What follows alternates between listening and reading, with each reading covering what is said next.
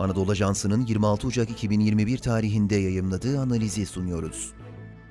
Washington, Orta Doğu'da saatleri geriye alıyor.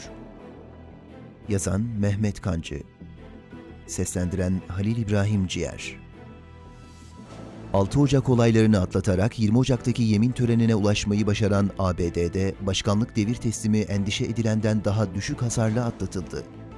Donald Trump'ın Washington'ı terk etmesiyle beraber bir kararnameler fırtınası koptu.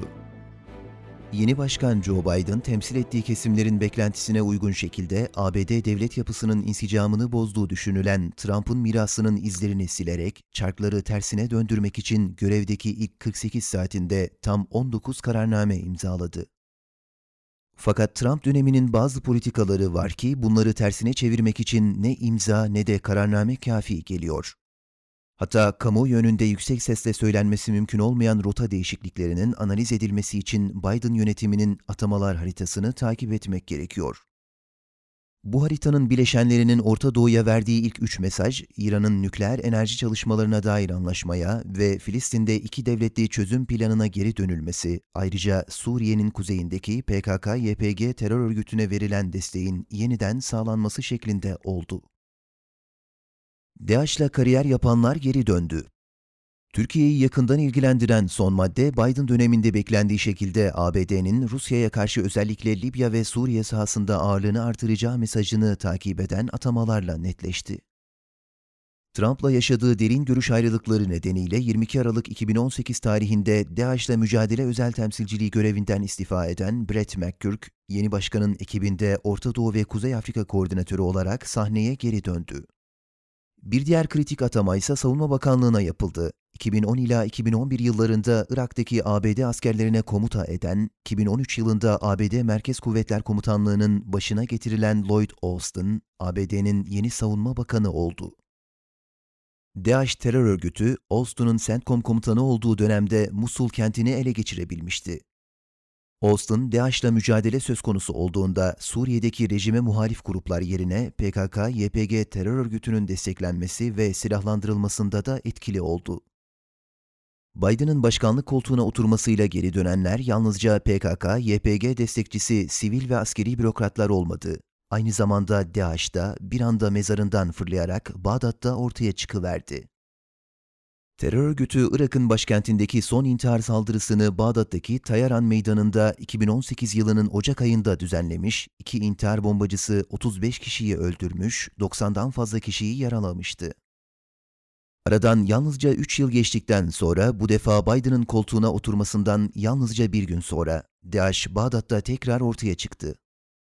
Hedef yine Tayaran meydanıydı ve saldırganlar yine iki kişiydi. Üzerlerindeki bombaları patlatan teröristler bu defa 32 kişiyi öldürdü, 110 kişiyi yaraladı. Sihirli tarih 21 Ocak 21 Ocak'taki bu saldırı bölgedeki tek anormal gelişme olmadı.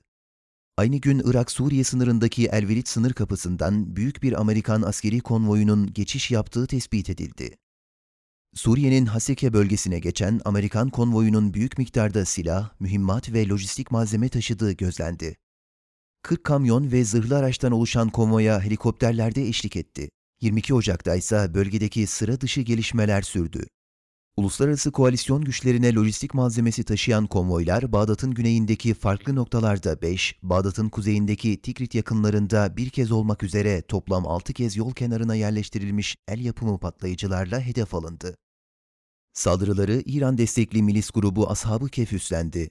Örgütün açıklamasında saldırıların Bağdat'taki DAEŞ terör eylemine misilleme olarak düzenlendiği duyuruldu, DAEŞ'in ABD tarafından kurulup kontrol edildiği vurgusu yapıldı. Bağdat'ta uzun süredir izine rastlanmayan örgütün yeniden ortaya çıkmasının yarattığı tansiyon hızla artarken, Irak'ta DAEŞ'le mücadele kapsamında görev yapan çok uluslu gücün yürüttüğü doğal kararlılık operasyonu kapsamında Irak güvenlik güçlerine 1 milyon dolar tutarında arazi aracı teslim edildiğine dair haberde Birleşik Ortak Görev Gücü Doğal Kararlılık Operasyonları resmi Twitter hesabında paylaşıldı. Bitirildiği iddia edilen terör örgütüne karşı bu denli kapsamlı bir mobilizasyon ihtiyacının kaynağının ne olduğunu herhalde McGurk'ün görevine aktif olarak başladığı günlerde anlayacağız. Sahte bayrak operasyonları yolda mı? DAEŞ'ın 21 Ocak'taki Bağdat saldırısının arkasında kimin olduğu kadar yol açacağı yan etkileri de iyi izlemek gerekiyor. Irak Dışişleri Bakanı Fuat Hüseyin, ABD'deki yeni yönetime stratejik diyalog süreci için yeni heyetlerin belirlenmesi ve ülkedeki Amerikan askeri varlığının sürmesi için talepte bulunacaklarını duyurdu. McGurk ve yeni Savunma Bakanı Austin, Suriye'nin kuzeyinde bir terör koridoru oluşturmaya yönelik geçmişteki çabaları göz önüne alındığında Hüseyin'in talebi yeni Amerikan yönetiminin hedefleri için yalnızca bir başlangıç olarak kabul edilebilir. Önümüzdeki gün ve haftalarda ABD'nin hem Irak'ın hem de Suriye'nin kuzeyindeki askeri varlığını artırmasını sağlayacak sahte bayrak operasyonlarıyla karşılaşmak şaşırtıcı olmayacaktır. ABD'nin işgal etmeyi hedeflediği bölgelere yönelik gerekçe üretmeyi amaçlayan sahte bayrak operasyonlarının en ünlüsü 1964 yılında Vietnam'ın Tonkin Körfezi'nde yaşanmıştı. ABD ordusu Kuzey Vietnam hücum botlarının ABD deniz ve hava güçlerine saldırdığı iddiasında bulunmuş ve Vietnam Savaşı'nın fitilini ateşlemişti. Oysa tüm dünya 1954'te Hindi-Çin'i savaşında Fransa'nın mağlup olmasıyla Batı emperyalizminin Güneydoğu Asya'dan tasfiye edildiği izlenimine kapılmıştı. Fakat Tonkin Körfezi vakası bir anda bu bölgede 10 yıl sürecek yeni bir çatışma sürecini başlattı.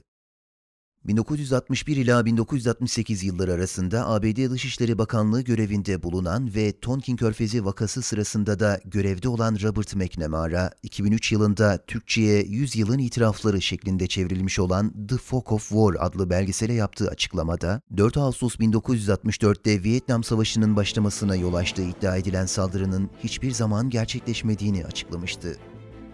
Kim bilir belki takvimler 2050'li yılları gösterdiğinde bizler de DAEŞ'in ve Brett McGurk'ün gerçek kimliklerini öğrenme imkanı bulabiliriz. Gazeteci Mehmet Kancı, Türk dış politikası üzerine analizler kaleme almaktadır.